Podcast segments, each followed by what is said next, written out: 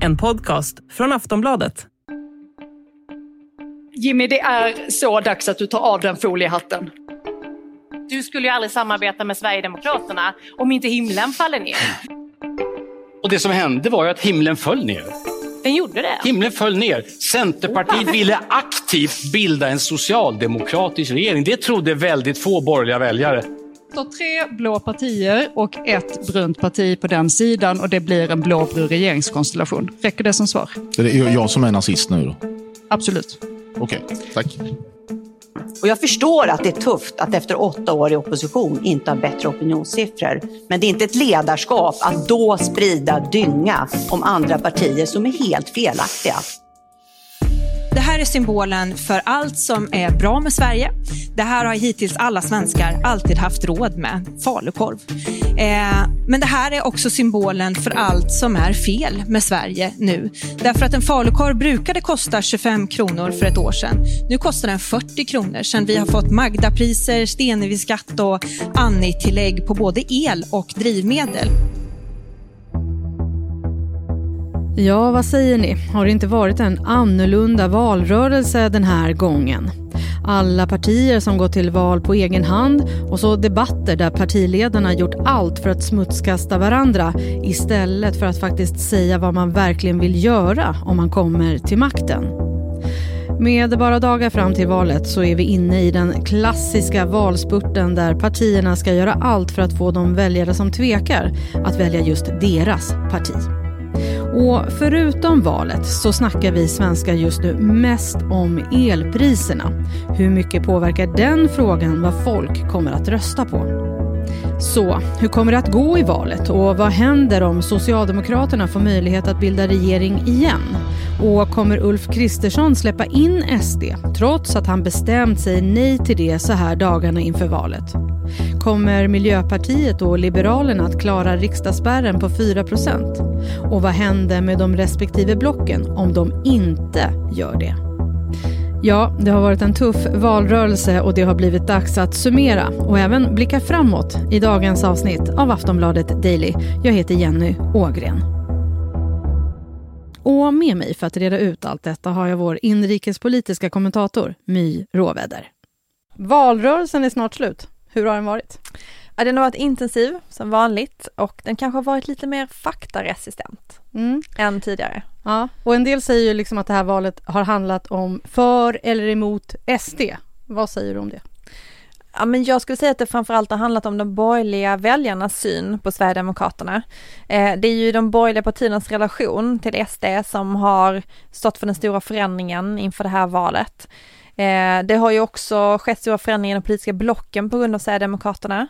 Eh, att det är på grund av Sverigedemokraterna som Centerpartiet har sagt att de kommer ha Magdalena Andersson som sin statsministerkandidat. Och det är på grund av Sverigedemokraterna som högersidan har möjlighet att ta regeringsmakten. Så att det har ju verkligen handlat om dem i den här valrörelsen också.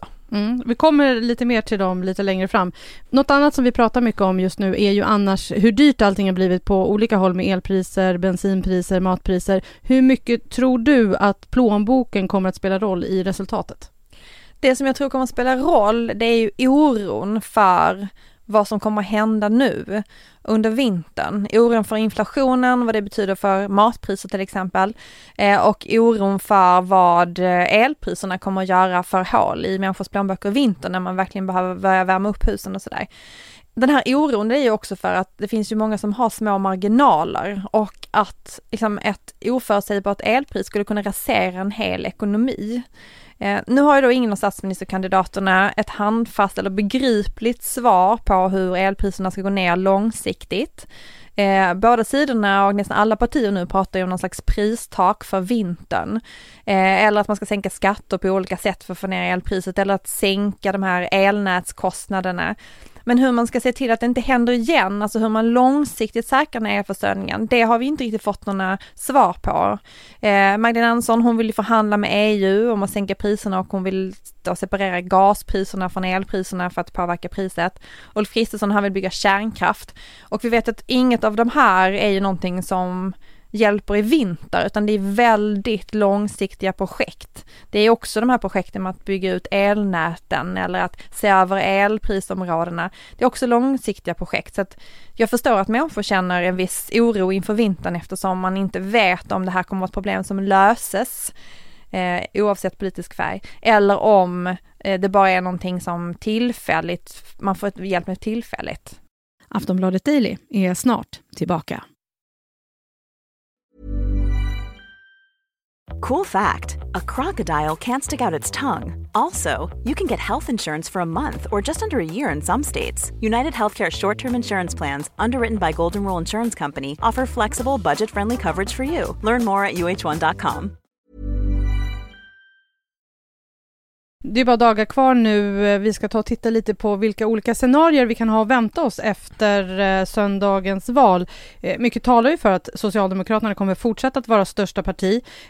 Och om det är då att Magdalena Andersson kommer få bilda regering igen, vad, vilka vänder hon sig till? Ja, hon kommer att prata med Miljöpartiet, Vänsterpartiet och Centerpartiet eh, om de partierna på något sätt i någon konstellation skulle kunna släppa fram henne som statsminister. Eh, alltså då inte rösta emot henne i en statsministeromröstning. Eh, och om de senaste årens budgettrubbel, det här med att man inte fått igenom sin ekonomiska politik genom riksdagen, det kommer hon också förhöra sig om rimligtvis med de här partierna. Och se om det på, i någon konstellation då går att komma överens om att stå bakom eller förhandla den ekonomiska politiken och då släppa fram henne. Det kommer lite olika besked hur den här konstellationen ska se ut. Självklart så vill Socialdemokraterna, jag tror att de landade mjukt nu när de fick regera själva efter att mm. Magdalena Andersson blev statsminister. Det är ju då också hennes enda upplevelse av att vara statsminister, att få bestämma själv. Eh, så att det, det, är ju redan lite slitning om hur den här konstellationen ska se ut. Ska MP få vara med? Ska Centerpartiet få vara med? Vem tycker man bäst om? Det enda som egentligen hon är överens med både MP och eh, Centerpartiet här, det är ju att de inte vill ha in Vänsterpartiet i en regering, även om man gärna ser dem som en samarbetspartner. Så tittar vi på andra sidan, eh, Moderaterna, om de blir då störst och Ulf Kristersson får möjlighet att bilda regering. Han, är ju väldigt, han och Ebba är ju väldigt mycket kompisar, KD är liksom redan eh, med honom, men kom, vilka mer vänder han sig till? Du vill fråga så här, Liberalerna då? Ja. Vad ska hända? Vad ska hända med Liberalerna? Vi? Jo, men det finns väl potential i samarbets eh, samarbete med Liberalerna. Problemet på den sidan är ju att Liberalerna och Sverigedemokraterna inte alls drar jämnt och att det gör ju också att kärnan då M och KD är, är kanske är den rimligaste konstellationen. Sen finns det ju lite mer upparbetad gemenskap på högersidan eh, om hur en regering skulle kunna se ut och hur relationerna och samarbets partierna ser ut. Eh, och de är ju överens om en sak då, det är ju maktskiftet. Det är liksom något slags grundläggande i, i det här valet, om det ska bli ett maktskifte eller inte. Eh, så att eh, vi får väl se hur det blir. Vi har ju också den här jokern då, som är om hur stora Sverigedemokraterna blir. Blir de större än Moderaterna? Vad betyder det för den dynamiken? Det kanske inte betyder att de ska sitta i en regering, men det kanske betyder väldigt mycket mer inflytande och då blir det igen slitningar med Liberalerna. Så att det är ju, återstår också att se hur det kommer att se ut, men det är ju M, KD som kärnan och SD och L som satelliter, även på, på högersidan. Vad, vi var inne lite på Liberalerna här nu, men vad skulle hända med respektive block om till exempel Miljöpartiet och Liberalerna åker ur? Åker båda ur så balanseras det ju ändå på båda sidorna av blocken. Eh, det som är den, den, den, kritiska punkten här är väl egentligen hur stora blir de här partierna om de åker ur? För att det är ju vaskade röster för varsin sida om de blir strax under 4 spärren. Nu tror inte jag att de, någon av dem kommer att åka ut, jag tror att båda kommer att klara sig. Eh, men det är klart att det skulle kunna påverka balansen på något sätt. Det beror lite på, för opinionsmätningarna som var under våren, opinionsläget, då hade det egentligen inte spelat så stor roll om något av dem hade åkt ut. Alltså mandaten hade ändå blivit otroligt jämna i fördelningen.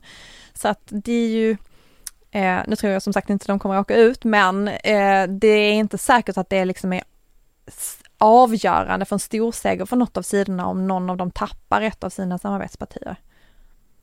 Vi tar och kollar lite på partiledarna. Eh, de är ju inte helt trygga i sina positioner ändå, för man kan tänka att några av dem ligger lite risigt till om valet inte går som medlemmarna och partiet vill. Eh, hur troligt är det att, några som, att det är några som ryker efter valet? Det är ju helt beroende av valresultat, som du sa. Mm. Eh, jag skulle säga att Ulf Kristersson kanske är den som sitter mest löst om det är så att de inte får bilda en regering. För att även om de får bilda en regering så ser det ju inte ut som att det kommer att bli ett val där de får ett eh, jättestarkt stöd. Så det är ju ändå kanske inte ett jättebra val för Moderaterna. Men får de bilda regering då, kan, då kommer det ju vara glömt eh, och man kommer låta Ulf Kristersson ändå få kanske leda den regeringen ett tag, kanske till och med fyra år eller tre år eller vad det blir. Eh, Moderaterna är inte heller så nostalgiska med att byta ut sina partiledare. Nej, det har vi sett tidigare. Det har vi sett tidigare. Och eh, om det till exempel skulle gå lite sämre för Centerpartiet, nu visar ju opinionen inte det, men ett tag såg det lite knackigt ut. Då skulle man också kunna tänka sig att Annie Lööf inte skulle sitta kvar för att då skulle ju hela den här linjen, den här anti-SD-linjen, eh, då skulle den ju ha bestraffats av väljarna. Eh, och för att kunna ändra en sån principiell inriktning så måste man byta ut ett ledarskap. Så om det hade varit nästa steg för Centerpartiet, då hade de behövt byta ledare. Eh, och sen har vi också, nu ser det ju verkligen inte dåligt ut för Sverigedemokraterna i opinionen, men om vi tittar på vem som har suttit längst, så har ju Jimmy Åkesson snart suttit i 20 år.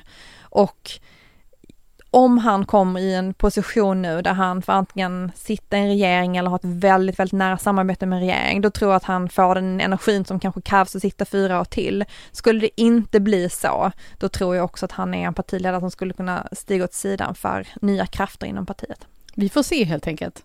Eh, vad säger du om den här valrörelsen då? Hur har den varit i förhållande till andra som du har bevakat? Jag tycker att det påminner lite om valet 2010 att den här känslan av ödesval, det var också en väldigt hetsk stämning då. Och då handlade det ju igen om Sverigedemokraterna. Då handlade det ju om det här inträdet i riksdagen. Så att, och nu är det ju på samma sätt en väldigt stor förändring i det politiska landskapet om de skulle få möjlighet att vara med och bilda en regering eller att vara del av en, ett regeringsblock. Och det är väl i de här stora politiska skeendena som den här turbulensen skapas. Så att jag tycker nog att det har ju varit ganska hetskt. Eh, men det är inte unikt för en valrörelse, men det var ett tag sedan vi såg det. Så jag skulle säga det påminner om 2010, mm. en hel del. Hur mår partiledarna nu då, så här, bara dagar innan valet? Ja, visst undrar man. Ja. För att det verkar ju helt fruktansvärt att vara partiledare i en valrörelse. Men tror du inte att de älskar det också? de säger det i alla fall. eh, nej men de börjar bli lite trötta och eh, jag har varit ute några dagar nu på, på olika kampanjer eh, och det är ju eh, viktigt med mat och det är viktigt med vila in emellan för att de har sån fruktansvärda scheman och de försöker verkligen hålla orken uppe. Men de börjar se lite trötta ut, det får man väl säga. Eller jag kanske bara projicerar. Vad, My, finns det någonting som skulle förvåna dig om det händer på valdagen? Det skulle verkligen förvåna mig om det blir en jordskredsseger från någon av sidorna och att vi sitter där på valnatten och tänker så här, jaha, nu var det klart. Det skulle verkligen förvåna mig. Mm. Men vad händer sen då, efter valet? Ja men då sätter de sig ner och de tittar på mandatfördelningen. Alla rösterna är ju inte räknade förrän på onsdag, det kommer onsdagsröster till också. Så det är ju inte liksom klart eh, på valnatten eh, beroende på hur jämnt det blir då. Så man sätter sig, man räknar rösterna, sen tittar man över, sen ska mandatfördelningen göras i riksdagen efter förra valet. Hade vi det där pingpongmandatet som hoppade fram och tillbaka mellan Centerpartiet och Sverigedemokraterna. Hade det landat hos SD, då hade vi ju haft en helt annan riksdag. Då kanske det hade blivit ett maktskifte redan under mandatperioden eftersom när man öppnade för Sverigedemokraterna, för då hade den sidan samlat 175 mandat. Så att alltså in i slutet med rösträkningen så kan det betyda någonting. Så att nästa vecka sätter de sig ner, ser hur valresultatet ser ut och sen börjar de ju redan prata ihop sig i sina block. Eh, hur skulle det kunna, hur skulle en regering kunna se ut ifall eh, lotten faller på någon av sidorna då för att sondera en regering först. Tack för idag My. Tack. Sist här, My Råväder, inrikespolitisk kommentator här på Aftonbladet. Och vill du höra mer av My och snack kring valet så lyssna gärna på vår politiska podd En runda till. Aftonbladet Daily är slut för idag. Jag heter Jenny Ågren och säger på återhörande. Du har lyssnat på en podcast från Aftonbladet. Ansvarig utgivare är Lena K Samuelsson.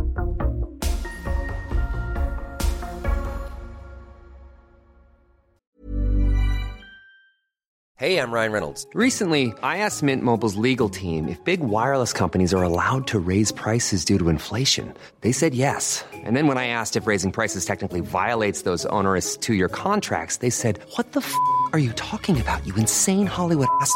So to recap, we're cutting the price of Mint Unlimited from $30 a month to just $15 a month. Give it a try at mintmobile.com slash switch. $45 up front for three months plus taxes and fees. Promo rate for new customers for limited time. Unlimited more than 40 gigabytes per month. Slows. Full terms at mintmobile.com.